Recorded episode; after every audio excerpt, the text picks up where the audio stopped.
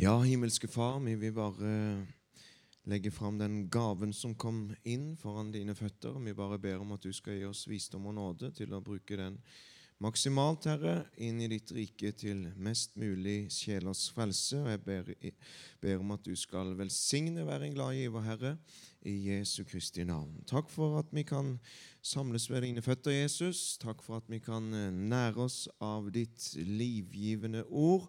Og jeg takker deg, Herre, for at eh, du har noe for hver enkelt av oss i denne formiddag. Og vi bare legger denne dagen framfor deg, Herre om at noen måtte møte det, Herre, i Jesu navn. Amen. Amen. Ja, da er vi på han igjen. Det, vi har litt sånn trening i møtekondis, vi som er, reiser rundt med telt og sånn. og Vi har jo akkurat hatt uh, ti dager i Notodden. Uh, ni stykker ble frelst der, og vi skulle jo inderlig ønske at det var mange, mange flere. men vi fryder oss over de som tok et valg og tok imot. Ehm, det er jo sånn at eh, vi, er jo godt vant når vi er i utlandet. Eh, det vet jo Geir alt om. Geir er sånn en Jeg eh, har tenkt på det mange ganger. sånn Små ting, eller det er ikke små engang, men sånne ting som Gud gjør. Jeg tenker tilbake i 2006. Da sto jeg på jeg tror det var en sånn førjulskveld eller et eller annet tilstelning i Osdal. Så kommer Geir hen og sa du, du skal ikke være med til Pakistan. Hun hadde invitert meg til? Og jeg var veldig sånn på hugget og desperat. vet du, at yes, jeg vil gjerne være med på et eller annet. Så reiste vi til Pakistan. Og Da skulle jeg og du være med en svensk jeg vet ikke hvem det var engang, men en erfaren evangelist som skulle trene oss opp to unge gutter da, den gangen. Og Så meldte han avbud, og så var det jo Rikard Dungeren som er litt sånn eh, cowboy, vet du. Så han bare 'Ja, men gå og reis aleine', sa han. og Biskopen som tok imot oss, han ble sur. vet du. Sende to eh, jyplinger som aldri har vært på kampanje før. vet du. Det var ikke bra. Så, men vi ga igjen, og jeg tror det første gangen var et par tusen mennesker som var hver kveld der, og mange ble frelst. Og mm, da var det for seint. Vi ble jo aldri den samme igjen. Jeg ble hekta, for å si det sånn. Så det er sånne ting som eh, Ja, der var Geir en nøkkelperson i mitt liv, i mitt tilfelle. Der er liksom gnisten som gjorde at jeg kom ut i bane. Så det har jeg tenkt på mange ganger. Jeg er veldig takknemlig for det. Som ikke du får lønn for noen ting her i livet, Geir, så har du i hvert fall den når du kommer til himmelen. At du, nei, nei,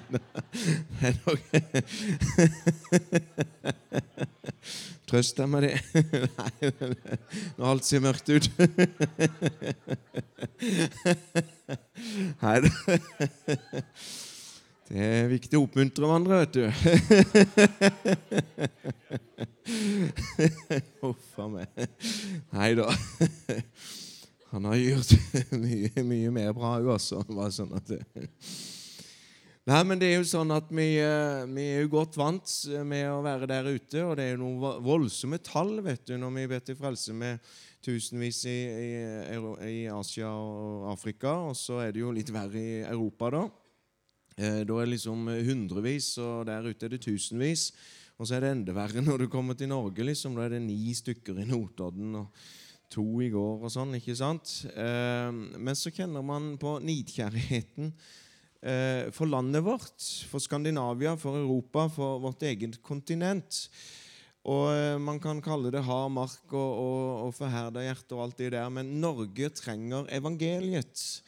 Norge trenger virkelig å få høre evangeliet på en, på en, massiv måte. og Det nytter jo ikke å være defensive. Man må være på offensiven. Man må være i samme modus som apostlenes gjerninger, der de bare kjørte på. De ble steina, piska og slått. og Så ille er det jo ikke med oss her i Norge. Vi har tross alt muligheten til å forkynne evangeliet uten å bli forfulgt på den måten der så er det noen som kan bli sure på oss og sånn, og litt for høy lyd på teltmøtene våre. og sånn. Det er liksom det nærmeste vi kommer forfølgelse her i Norge. Og det kan vi jo leve med. Bare vi ikke kommer med blåveiser og sånn hjem liksom fra, fra møtene, så, så, er jo ikke de så galt at noen er litt sånn gretne her og der. Men eh, du vet at eh, eh, vi, vi har en byrde fra Herren for Norge. Eh, og i det maritime, da, i skipsfart og sånn, så har vi jo mange uttrykk. Ord og uttrykk som vi bruker i vårt uh, dagligtale. Uh, ship shape. Det kommer jo av at uh, matrosene de vaska skipet, og så måtte de stå til ansvar for kapteinen. Og vet du, og så sa de 'ship shape'. Da var liksom alt vaska i orden. Og så har du et annet uttrykk fra, fra, fra marinen, og det er det at eh, å gi det glatte lag. Eh, og det er jo mange en ektemann som har fått det glatte lag av kona når man har gjort noe galt. Og sånn, og vi kjenner til liksom, begrepet å få det glatte lag. liksom. Det kommer jo av det at et skip la breisida til å åpne alle lukene med kanonene. Og så la de, så la de og det er et annet uttrykk igjen, legge breisida til. ikke sant? Vi legger breisida til. Det er et annet uttrykk fra skipsfarten. Og, og, sånn var det at Et skip kunne da legge seg i posisjon. De dreide kursen opp mot et fiendeskip eller inn mot en, et landområde. eller noe sånt, Og så kunne det legge breisida til, og så ga det glatte lag. Det betyr å fyre av alle kanonene på en gang. Eh, og De uttrykka sviver litt i min tenkning når det gjelder Norge og det å forkynne evangeliet. Så det er på en måte nå Vi, vi kjenner det i hjertet, liksom, at vi, vi, har vært mye i utlandet og sånn, og skal fortsette med det. Men vi dreier skipet. liksom Skipet er på vei mot Norge sånn visjonsmessig når vi snakker om himmelpartner og sånn. da. Og da, da, er det sånn at ja, det er et stort skip, og det, det, er ikke bare å snu det på en femøring sånn på to sekunder. det er liksom, Du må liksom dreie skipet mot strømmene liksom, legge breisida til nå. Nå er vi i Sør-Norge, vet du, og vi har hele landet nordover foran oss her. Og vi trenger også vri skuta, legge breisida til, og så fyre av kanonene. Fyre av med ikke kuler og krutt, men med evangeliet, med Guds kjærlighet. og der vi bare fyrer av mot Norges land, bomber dette landet her. Og vi har en visjon om å bruke eh, både ungdom og I himmelpartner så har vi jo alt fra ungdommer til eh, over 70 år som er med i vårt team, og jeg tror på generasjonene. Jeg tror på Guds familie. Jeg tror at i Guds familie så er det alle alderstrinn og grupper, og vi trenger hverandre alle sammen. Og Når Guds ånd beveger seg, så er det trivelig vet du, for en ungdom å være sammen med en 70-åring. og omvendt. Det blir bare sånn at man kjenner det i samholdet, at man står på samme lag, og man legger breisida til. For nå er det en tid for Norges land. Og jeg tror at vi skal bare være frimodige. Stå skulder ved skulder, og så legger vi breisida til og forkynner evangeliet. Og Vi drømmer om og Jeg har jo en sånn teoretisk eh, eksempelvis eh, visjon, for å si det sånn. Eh, og det er at jeg er én evangelist, og jeg kan maks greie tre, tre teltkampanjer i Norge i tillegg til alt de andre gjør i Europa Asia rundt forbi. Så jeg kan klare tre teltkampanjer her i Norge. Men tenk om jeg hadde én evangelist til, da, som også kunne ta tre teltkampanjer. Tenk om jeg hadde tre evangelister i Himmelpartner som kunne ta tre teltkampanjer. da. Det er altså ni teltkampanjer i året. På ti år så er jo de 90, og hvis vi greier enda litt til, så er det ca. 100, kamp 100 kampanjer i året i Norge. Tenk på det! På ti år så kunne vi ha greid 100 teltkampanjer i Norge. Opp og ned fra Lindesnes til Kirkenes og bare bomba landet vårt. Men da trenger vi alle mann på dekk. Da trenger vi, og Her har vi rad med ungdom vet du, som er bare sånn I, I, captain, vet du, i forhold til Jesus.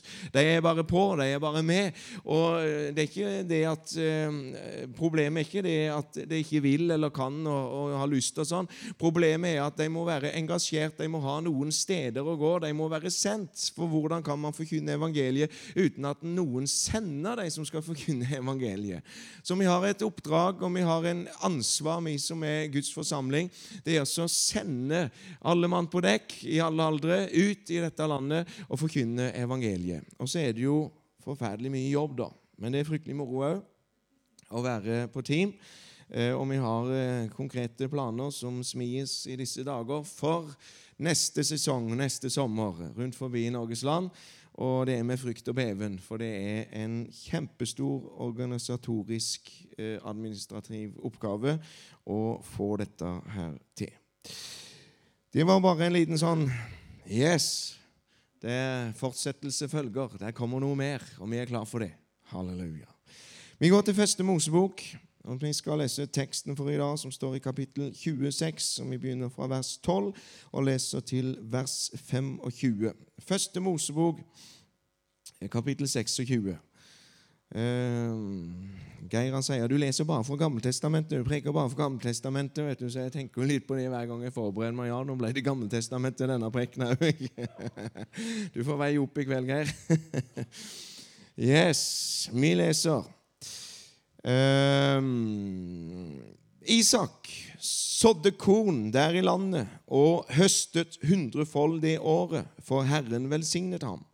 Han ble en mektig mann, og rikdommen hans vokste stadig, så han til sist ble overmåte rik. Han eide småfe og storfe hadde mange tjenere, så filistrene ble misunnelige på ham.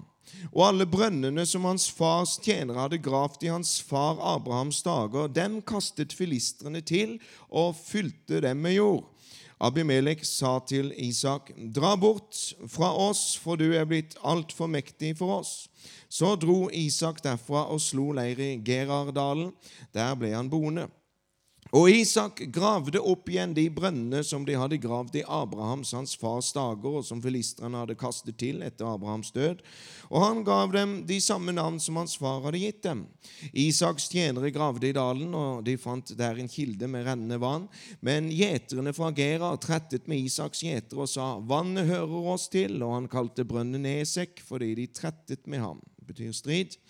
Deretter gravde de en annen brønn. Den trettet de også om, og han kalte den Sitna, betyr fiendenskap. Så brøt han opp derfra og gravde enda en brønn. Den trettet de ikke om, og han kalte den Rehobots, og sa, nå har Herren gjort hvitt rom for oss, og vi skal bli tallrike i landet. Rehobot betyr altså åpne steder. Derfor dro han opp til Beersheba. Samme natt åpenbarte Herren seg for ham og sa, Jeg er din far Abrahams Gud.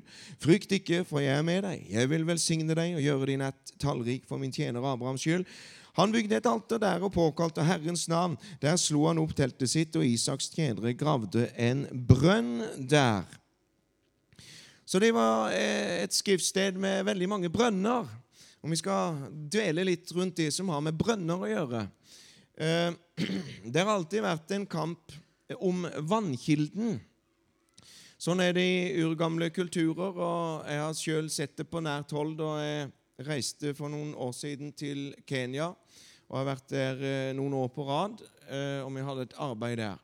Og Sånn var det jo at jeg reiste inn, og vi lasta opp bilen med en haug med pastorer. og De så helt forferdelige ut, for vi var jo veldig, veldig mange i sånn en jeep. Eh, og pastorene satt vet du, i bagasjerommet der og overalt i denne bilen. og Det var veldig trangt, veldig humplete. Veiene så langt som de slutta, da, for vi kjørte i villmarka og elveleier og, og opp igjennom mot grenseområdene til Sudan og Somalia, den veien der. Eh, men når vi var på grusvei, da, så, så, var det en sånn skikkelig vaskebrett. Og De, var, de rista, vet du, men vi fant en teknikk på da, å ligge i en viss fart, for da fløy du liksom bare på toppene, så da rista det ikke så mye. Og bak vet du, der satt pastorene og ei full pappeske med høns, levende høns, som var provianten vår. Som eh, de gikk sånn ei kylling til dagen, da, vet du. Eh, og så var det bål ute om natta, og hyenene de bjeffa i bakgrunnen der. og Det var jo veldig spennende, og det høres jo veldig flott ut, men det var jo et forferdelig slit. og Ikke var det dusj og vann på ei uke, og du, du, du var ute i solsteiken der, så det var ukomfortabelt eh, på mange måter. Eh, og litt risikofullt. Og Vi reiste fra stamme til stamme og forkynte evangeliet. Rigga opp et dieselaggregat, stilte oss opp under et tre og forkynte evangeliet. Eh, og hadde etterarbeid der og planta fire skoler med enda flere menigheter. Og en svensk eh, evangelist som har overtatt det arbeidet der, som heter Mats Wennergrunn, som eh, har drevet videre og gjort enda mer enn det vi begynte. Uh, vi var ute i en stamme der. Jeg husker det var fire damer som ble frelst. Det var de fire konene til heksedoktoren som tilfeldigvis var ute den dagen. Så jeg lurer på hva han sa når, han kom hjem og alle konene var blitt frelst. vi setter jo ned en pastor da, som, som underviser dem ukentlig, ikke sant? for ellers så kan vi ikke bare forlate de der. uh, men da fortalte de at eh, Jeg spurte liksom hvordan ting fungerte, hvordan de flytta seg rundt og sånn. Og hvorfor de flytta seg rundt. De var jo sånn nomader og slo seg til på steder. Og Det som bestemte hvor stammen slo seg ned, det var hvor det fantes vann. Det var jo det aller viktigste. Eh, og Jeg så noen av dem de gravde i tørre elveleier. og Det var sånn kulper som kunne ligge langt under sanden, og det var så tørt der. Og da var det sånn at Stammen slo seg ned der de fant vann, der de hadde kunnet grave fram en vannkilde. Og Da satte de unge krigere rundt områdene, rundt stammen, rundt denne vannkilden, som patruljerte hele tida. Og så var det veldig tørt, så ble det krig, for da var det sånn at nabostammene de var så desperate, og de måtte finne vann. Og hvis det var bare én stamme som hadde retten på det vannet, så ble det krig. Og så måtte de beskytte med nebb og klør eh, alle ressurser alle mann på dekk for å beskytte vannkilden, sånn at ingen skulle ta vannkilden ifra dem. Og det har liksom ringa litt i ørene mine, det jeg så der nede, at det var en sånn kamp om vannkilden. Og Sånn er det jo med oss i dag i åndelig betydning, at det fins en kamp om vannkilden. Og Nå snakker jeg om det levende vann. Nå snakker vi om den kilden som brast på Golgata ved Jesu kors når han døde og han oppsto igjen. Så brast det en kilde der. Og Jesus han snakka til denne kvinnen ved brønnen, ved Sykas brønn eller ved Jakobs brønn der. Så kommer det en kvinne, og så, og så har hun ikke skjønt og forstått dette her som har med vann vannkilden, det levende vann. Og Jesus sa til henne at hadde du spurt meg om å få det levende vann, sa han. Og da skjønte hun ikke begrepet det levende vann, og Jesus måtte forklare henne det der. Og det fins en vannkilde som alle som har blitt født på ny og blitt frelst, de har fått del i den vannkilden og øser av den vannkilden. Og så ofte som man drikker av den vannkilden, så blir man heil og ren og fornya og forfriska. Og den vannkilden er tilgjengelig i Bibelen. Hver eneste dag så kan vi gå inn i noe vi kaller vårt lønnkammer vårt personlige forhold med Jesus. Og Når vi går inn i lønnkammeret, så drar vi opp av den kilden. Vi drikker av det levende vannet. Bibelen taler om vannbadet i ordet, at det fins en renselse, et vannbad i Guds ord. Og Sånn er det at når vi blir født på ny, så, så, vi, eh, så er det den ekte dåpen. Det skjer på innsida, kan du si. Eh, når man blir født på ny, så viser man det gjerne i en ytre handling som vi kaller dåpen. Men det symboliserer det ekte, det reelle som skjer på innsida. Det er at det er en vannkilde som brister. Vi får del i det levende vann. Og så er det en kamp på denne vannkilden nå. Det vet vi alle sammen at uh, lønnkammerlivet vårt, bønnelivet vårt, bibellesninga vår, kan det mange ganger være en kamp på. Det at det er vanskelig å få tid til det i visse perioder, og vi må være disiplinerte for å stadig vende tilbake og få i oss nok vann. Sånn er det når vi arbeider ute en varm sommerdag. Hvis ikke vi får nok væske, nok vann, så vil vi til slutt bli utslitt, utmatta. Vi kan få eh, hodepine osv. Og sånn er det òg åndelig, at hvis ikke vi får tilgang stadig til denne vannkilden, så vil vi tørke ut. Så Satan han har en strategi for å stoppe til vannkildene. Og Vi leste jo det akkurat djevelens strategi. Han brukte filistrene her i første Mosebok, kapittel 26. At filistrene ble misunnelige på Isak. Og så prøvde de å stoppe til vannkildene. Og det er djevelens strategi i Norge i dag, at hvis han kan stoppe de kristne, hvis han kan gjøre de lunkne og likegyldige og apatiske, hvis saltet kan miste sin kraft, hva skal det da saltes med? Så det tjener bare til å bli tråkka ned. og Det er akkurat det som skjer i samfunnet vårt når kristne mister sin kraft. Så blir de bare tråkka ned av samfunnet. De blir bare forakta, spytta og håna og, og, og betegna som noen duster. For at det fins ingen salt, det fins ingen kraft. Og saltet det har jo en effekt som gjør at kommer det i åpne sår, så svir det litt.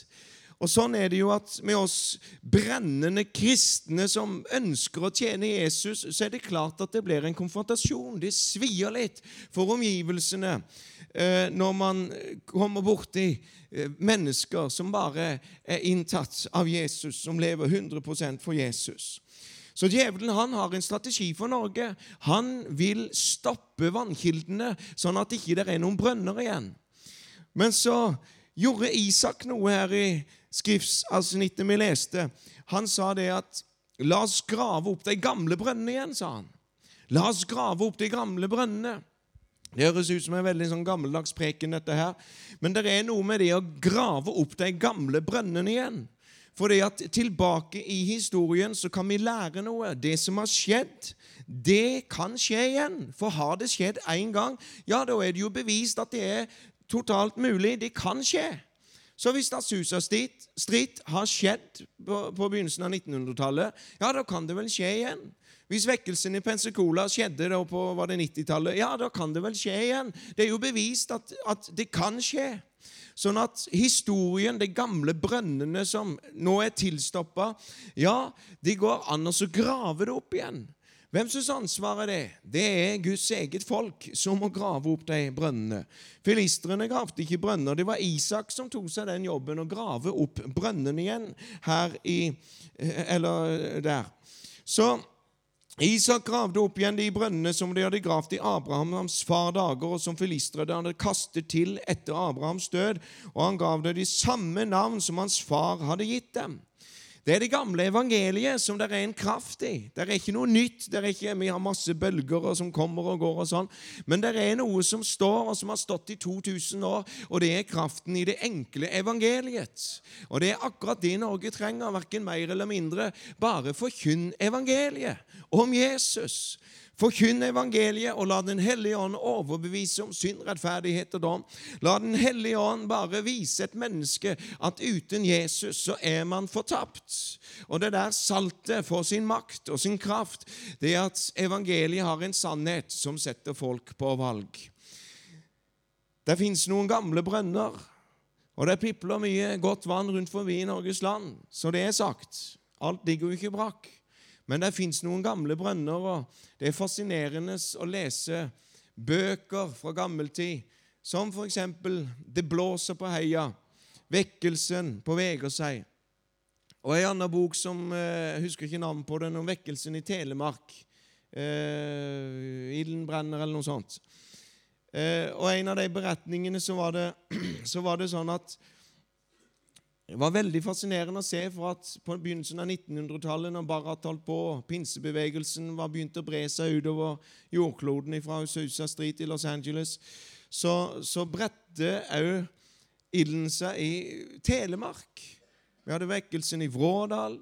Og, og Skien, Porsgrunn, så var det sterk vekkelse, sterk bevegelse. Mange ble frelst, og de bredte seg oppover hele Telemark. Vinje og rundt forbi. og Jeg så kjent igjen mange navn. Jeg har vært der sjøl og prekt nå. Gamle bedehus fra den tida der. Eh, som sto beskrevet at det var sterke vekkelser der. Og så var det så fascinerende å se at det som vi tror er litt nytt i dag, med karismatisk og sånn, det var akkurat det samme den gangen. Det var sånn at uh, En beretning et ektepar vet du, som brant for Jesus. og De hadde så nød, for de fortapte. De lå på kne og ba, vet du, og så ble de minnet om en person. da, jeg tror det var en mannsperson, som de ikke visste hvor egentlig bodde hen. Og De kjente til han fra mange år tilbake. og sånn, og Han må bli frelst. Ja, Vi må prøve å oppspore han, og De visste en viss retning opp om Dalom. og De visste ikke veien, og han bodde i ei lita uh, stue inne i skauen en plass. Og så, og så satt de og ba vet du, og, og, og, sånn om de hadde bil eller hest og kjerre. Det husker jeg ikke, det var veldig tidlig på 1900-tallet. Og så sitter de der og ber, vet du, øh, og sånn. Og så, og så, vet jeg ikke hvor det er. Og så har kona eller mannen Jeg vet ikke hvem av dem, men så Den ene har tunger, og den andre tyder. vet du, og så, ja, Bare fortsett på denne veien litt til, liksom, og hun andre hadde tunger igjen. Og, og det ble tyder der. og ja, Sving til venstre nå! liksom. Ja, og De kjørte vet du, og priste Herren og ba i tunger. og så Opp til høyre her nå, vet du. Ja, Det kom liksom som en tydning på tungene, der veibeskrivelsen der. Så det var sånn en himmelsk GPS, vet du. Sånn, nå har vi telefoner på det der, men, men da var det en himmelsk GPS, og der kommer denne røde lille stua ut i skauen der, og så går de opp, og der sitter denne mannen i syndenød, og så får de bedt til frelse med han, og reiser derifra, fylt av Guds ånd, og, og, og sånn holdt de på. Overnaturlige ting i hverdagen. Eh, og så var det noen brønner der. Det vella fram et levende vann. Det var noe, en flod, det var en elv, det var en, en vekkelse der som gjorde at, at, eh, at, eh, det skjedde ting. Og så ser vi nå at ja, det er ikke sånn som historien forteller, men potensialet ligger der. Grunnvannet ligger der under bakken, og for den som vil grave dypt nok, så vil vannet igjen velle fram i vårt land. Og jeg vet i min ånd at Gud han reiser opp mange mennesker nå. Jeg vet at Jesus personlig han setter inn mennesker i rekkene som bare sier 'Ai, ai, kaptein, klar til tjeneste'. Jesus sjøl, han bare eh, ordinerer, koordinerer, administrerer, setter folk på plass, sånn at vi kan gå alle mann i takt i den troppen, i den armeen som eh, Gud reiser opp i vårt land nå. Så du vet at eh, kampen om kildene den står personlig for hver enkelt av oss. Vårt bønneliv, vår bibellesning, vårt menighetsliv. Kampen om kildene. Og så lyder dette kallelsen at grav opp de gamle brønner igjen. Hvis du sitter her i dag som, som ikke har eh, bønnelivet ditt i orden, at det er blitt så eh, tungt og det er så vanskelig, og det føles som en kobberhimmel over deg når du ber, og alt det der, ja, så er dette møtet for det, for at det fins en kallelse fra himmelen til å grave opp de gamle brønnene. Det gjelder for hver enkelt av oss personlig at vi igjen får vannet til å flyte. Det må ikke være noen tilstoppelse, det må ikke være stein og jord og sånne ting som har kommet ned i brønnen og stoppa den til, men vannet må være rent og friskt og klart og ha fri tilførsel fra vårt indre.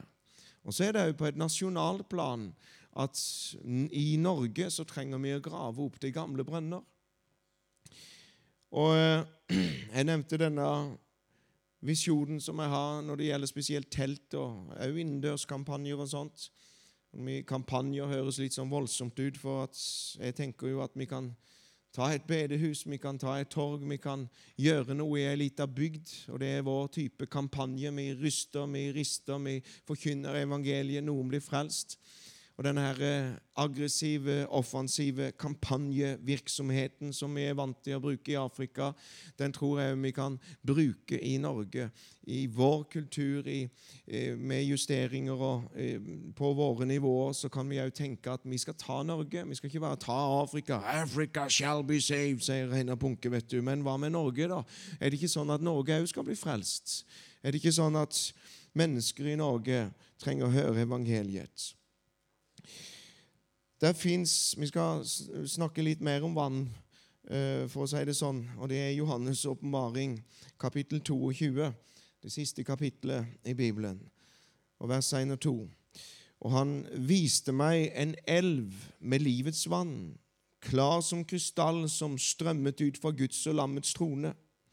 Midt i byens gate på begge sider av elven sto livets tre, som bærer frukt tolv ganger og gir sin frukt hver måned og bladene på treet tjener til helse for folkeslagene.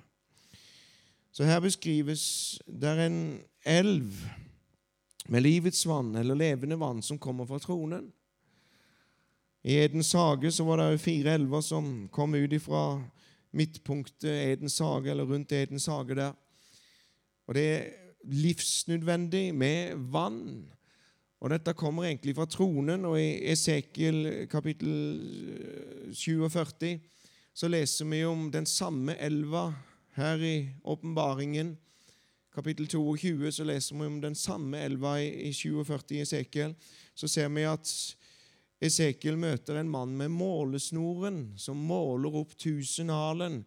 Og så begynner denne Esekiel, og han begynner å vasse der i vannkanten. Og så er det så et betegnende bilde på mange av oss som er kristne. Det er at eh, bildet på ankler, det er at vi har full kontroll. Altså at når man vasser en, på, på elvebredden sånn, så, så, kjenner du ikke noe til kraften i strømningene som er ute i elva. Man har jo full kontroll, og, og det er ikke sånn at man har problemer med å, med å stå liksom når man bare vasser til anklene. Og Sånn er det jo at vi kan ha våre liv, vi kan leve på søndagsmøter, og det er så komfortabelt. Og En varm sommerdag når du tar av sko og sokker og så bretter du opp buksa litt, og så vasser du i det kjølende, friske vannet, så kjennes det så deilig ut. Det kjennes så godt ut. Og, og, så kan man gå på møte hver søndag, så vasser man litt uti og kjenner atmosfæren. og Det var godt å høre prekena og være med i lovsangen og sånn.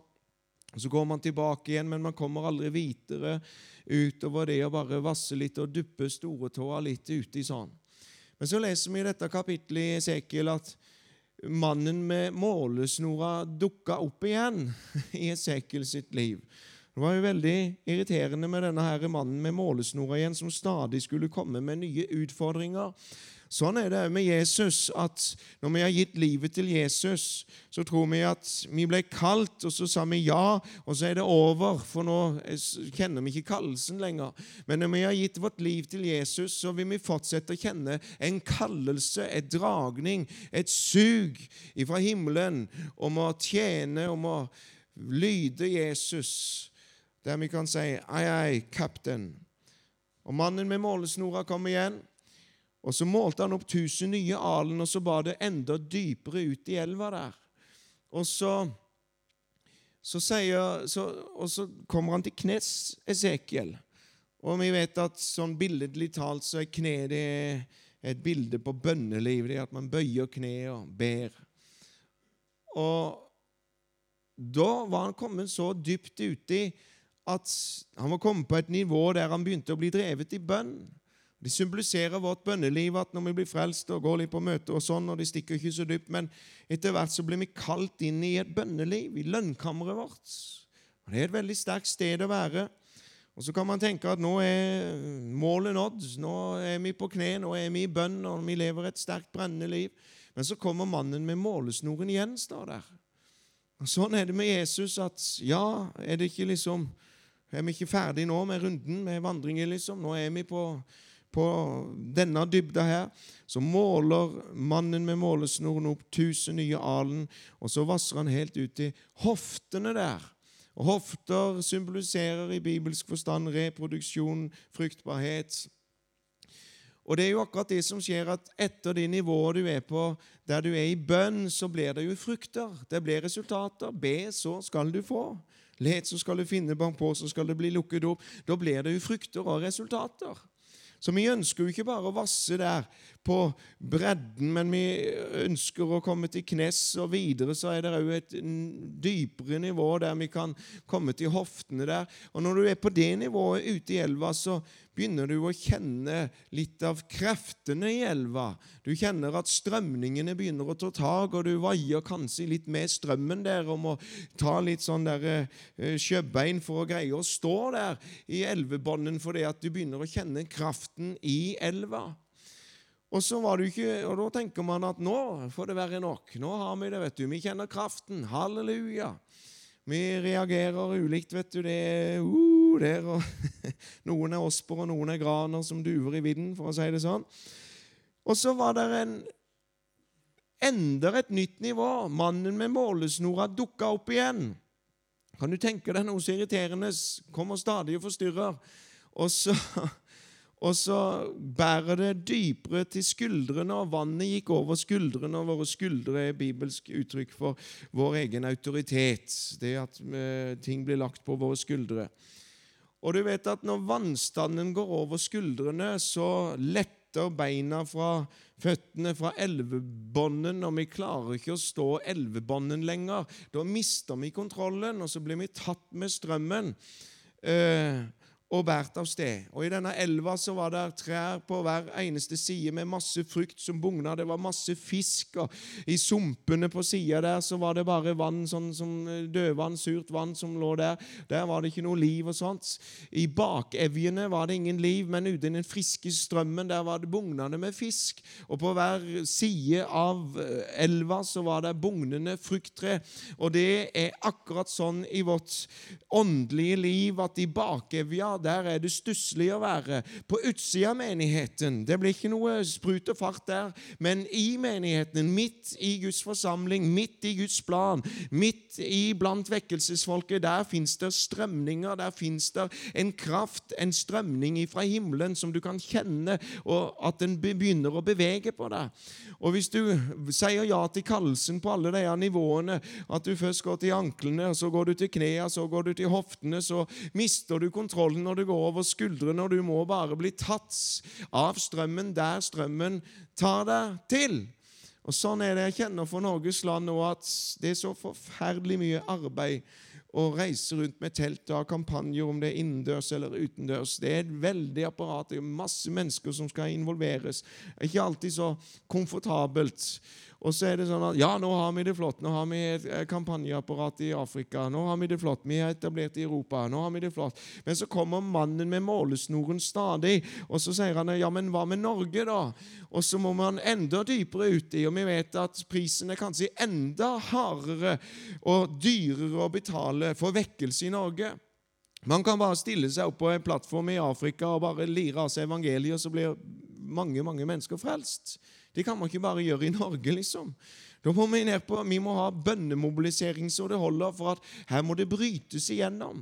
Det, vi må ha et gjennombrudd, og det er bare én måte å gjøre det på. At én mann klarer det ikke, men vi må være et kjempeteam. Vi må være et Guds folk som reiser seg. For noen har en salvelse spesielt på bønn. Noen har en hyrdesalvelse til å ta seg av de som blir frelst. Noen har en, en sånn gjennombruddssalvelse til å knuse igjennom, og så trenger vi alle verktøyene i verktøykassa for at vi vi skal klare å bygge Guds rike i Norge som nasjon. Halleluja. Det er der salvelsen flyter iblant brødrene. Det er der salvelsen beveger seg, strømningene, og så opplever vi ulikt. Vi reagerer ulikt, eh, responderer ulikt på Guds strømninger. Sånn at eh, når eh, evangelisten og pastoren kommer inn, så her tenker evangelisten her må vi bare ha gjennombrudd vinne sjeler. Pastoren reagerer ulikt på samme strømningen. Ja, her må vi virkelig ha en bibelskole, eller her må vi undervise, her må vi ta vare på det. Det er samme strømmen, det er samme kraften. det det er vår samme Gud i himmelen.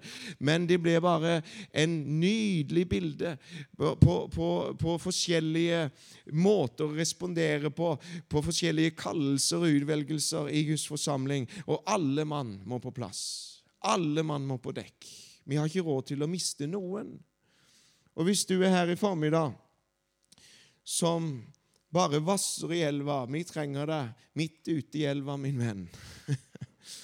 hvis du er på avstand fra menigheten, hvis du er i bakevja, er sumpene der det var sånn surt vann og sånn, så er ikke det noe sted å være. Du er skapt og kalt til å være i Guds nærvær. Akkurat som fisken er skapt til å være i vann, så er du skapt og designet til å være i salvelsen.